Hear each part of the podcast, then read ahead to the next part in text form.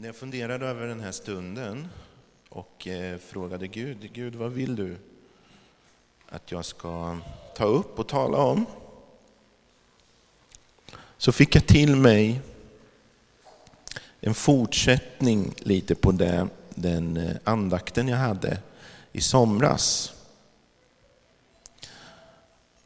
Så jag kommer att, att korta ner den enormt.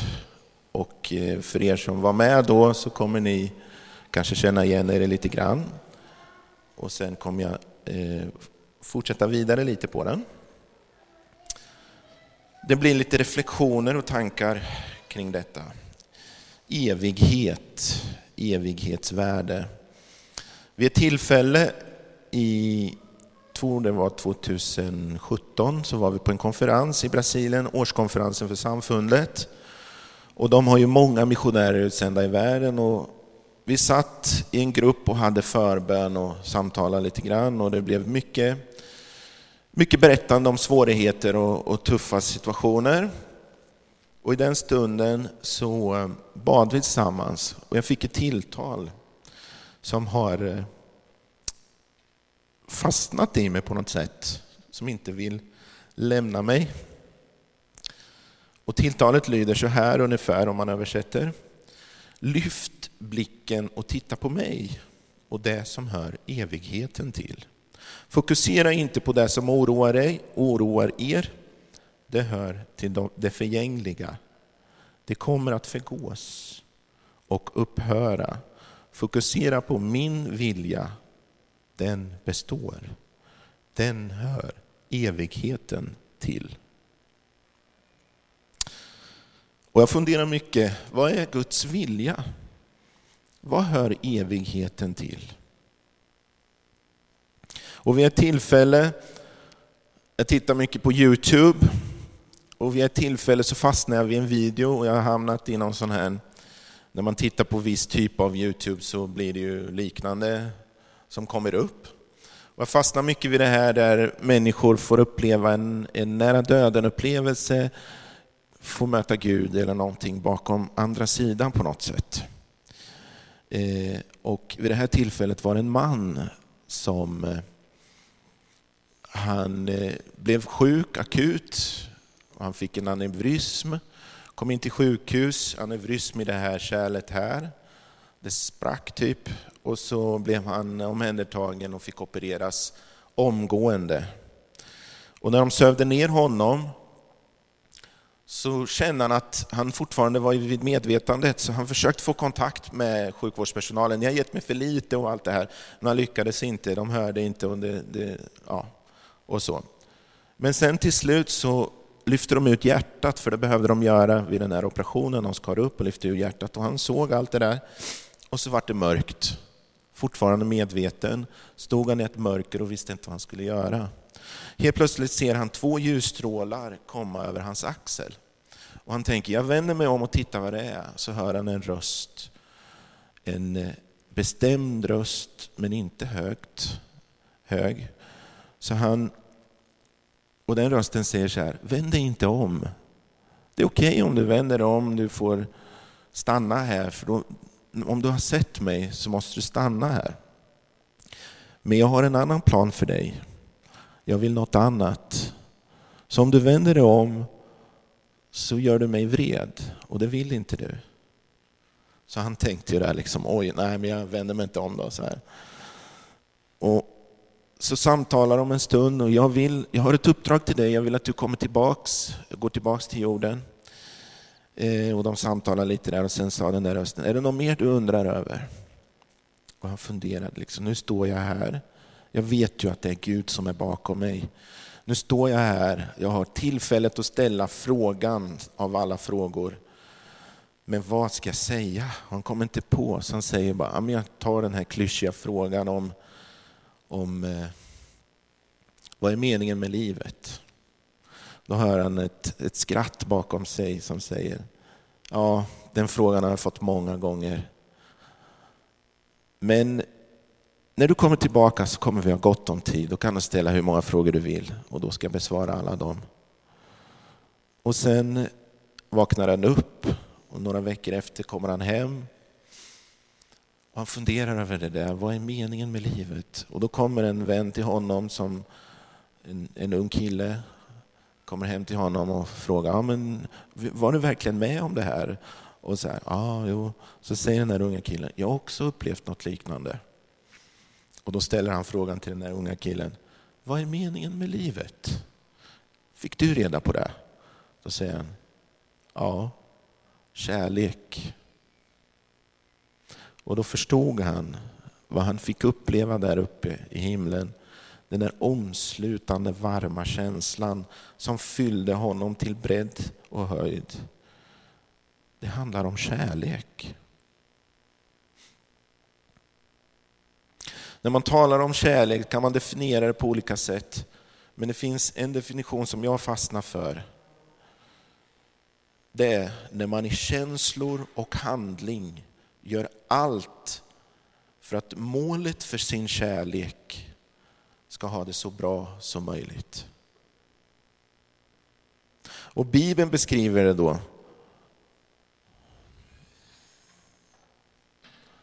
första bibelordet här, så står det Kärleken är tålmodig och god, kärleken är inte stridslysten, inte skrytsam och inte uppblåst.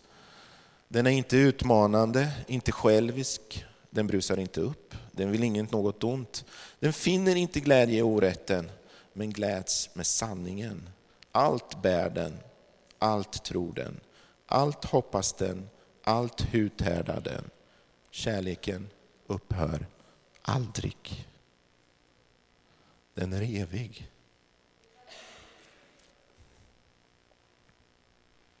Vad vill Gud då? Vad är Guds vilja? Han vill ju att vi följer hans bud. Det är ju Bibeln klar med. Vad är det främsta budet? Som sammanfattar hela lagen. En farisé, efter att saduceerna hade blivit fått svar på tal, så kom en farisé fram till Jesus och frågar. Mästare, vilket är det största budet i lagen?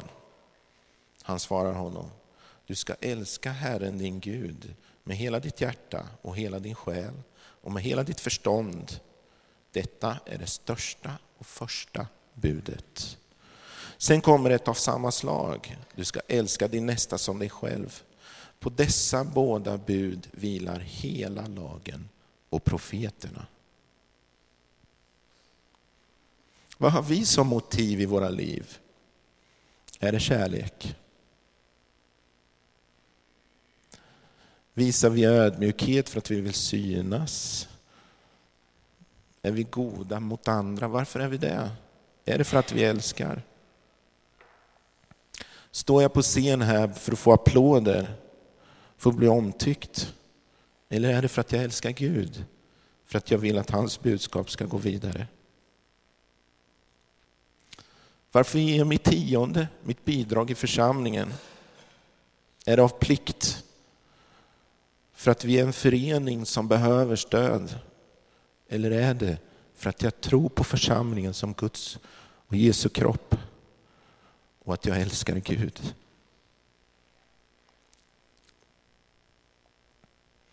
Om vi fortsätter i samma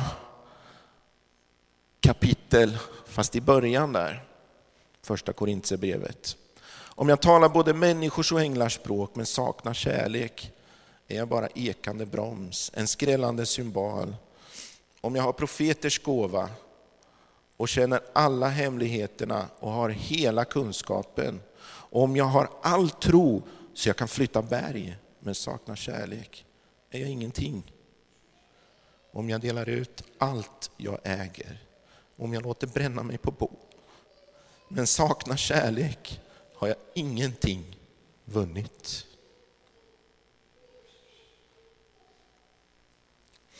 I vers 8.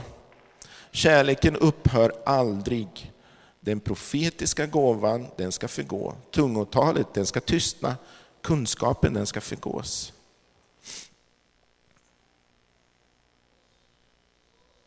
Och i sista versen. Men nu består tro, hopp och kärlek, dessa tre. och störst av dem är kärleken.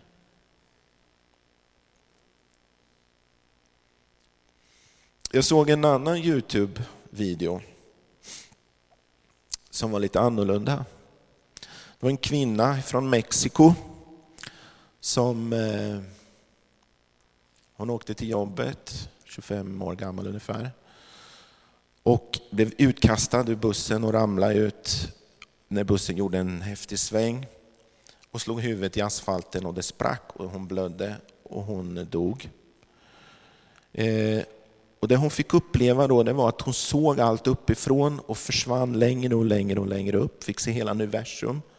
Till slut så såg hon en stor svart tunnel som hon sögs in i. Det blev bara mörkt och svart, som en svart grotta. Hon blev otroligt eh, skärrad och rädd.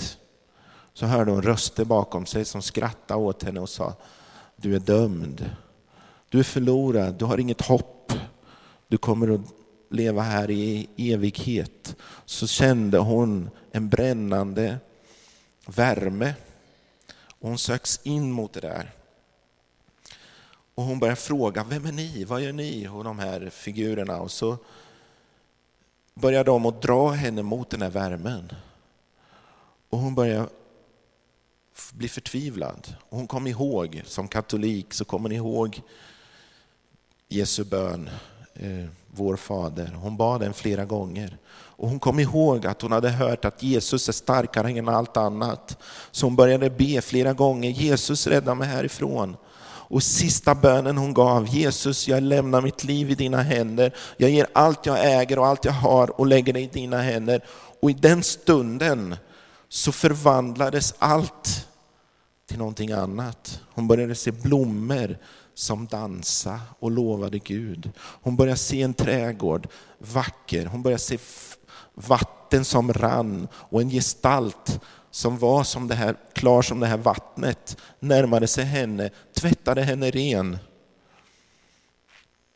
Och så talade den här gestalten till henne och hon förstod att det var Jesus. Han hade vita kläder och ett lila band. Och han sa till henne, du förstår varför du, började, du nästan hamnade i helvetet. Och hon funderade. Ja, men jag har ju levt ett bra liv. Ja, men du har gjort mycket fel också. Och han sa till henne, du bär på oförlåtenhet. Vad? Vem har jag inte förlåtit? Jag har ju ingen. Jo, du vet vem det är. Och i den stunden så kom hon på, det är min, min eh, eh, nu glömde jag ordet, min, eh, den som är gift med min pappa som inte är min mamma. Styvmor, ja. Det är min styvmor.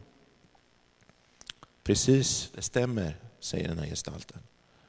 Det är din styvmor. Men hon, hon är ju en häxa.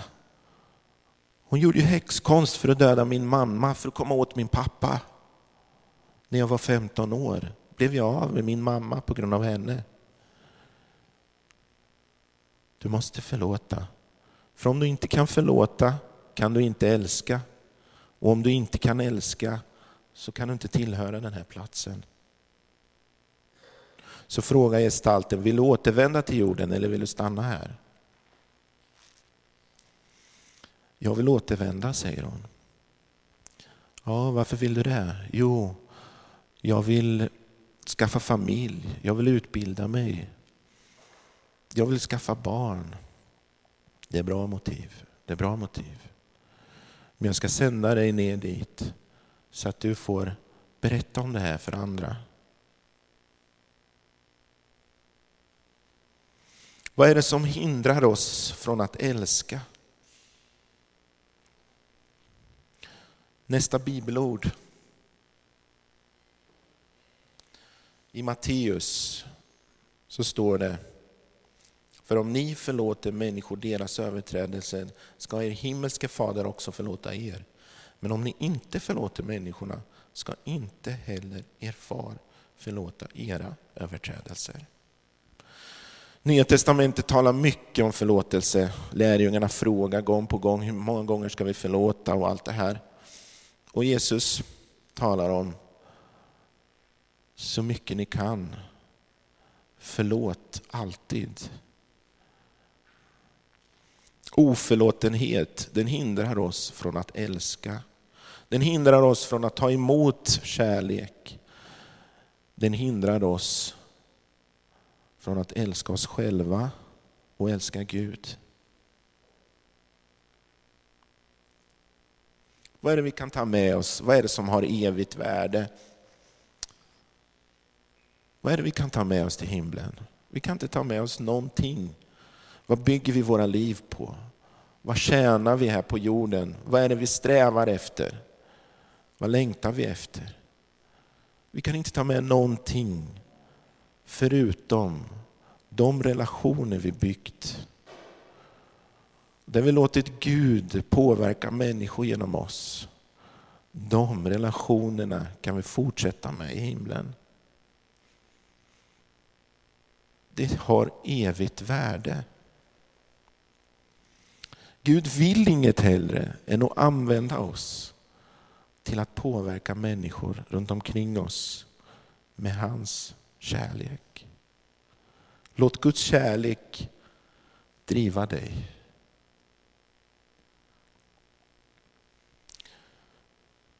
I Andra Korinthierbrevet kapitel 4 så kan vi läsa Mina kortvariga lidanden väger ju oändligt lätt mot den överväldigande eviga härlighet de bereder åt mig som inte riktar blicken mot det synliga utan mot det osynliga. Det synliga är förgängligt, men det osynliga är evigt. Det här var Paulus som skrev efter flera tillfällen då han hade blivit slagen och hatad och straffad för att han följde Kristus och talade om Jesus. Det lilla korta liv vi har här, det väger ingenting mot den evighet vi kommer ha med Kristus. Och I första Johannes brevet kapitel 3 kan vi läsa om någon har jordiska ägodelar och ser sin broder lida nöd men stänger sitt hjärta för honom. Hur kan då Guds kärlek förbli i honom? Kära barn, låt oss inte älska med ord och fraser utan i handling och sanning. Kärleken är en handling. Låt det synas. Vår tro behöver bli en handling. Låt den synas. Jag vill avsluta med två meningar ur Herrens bön. Vår Fader, du som är i himlen. Och förlåt oss våra skulder, liksom vi har förlåtit dem som står i skuld till oss.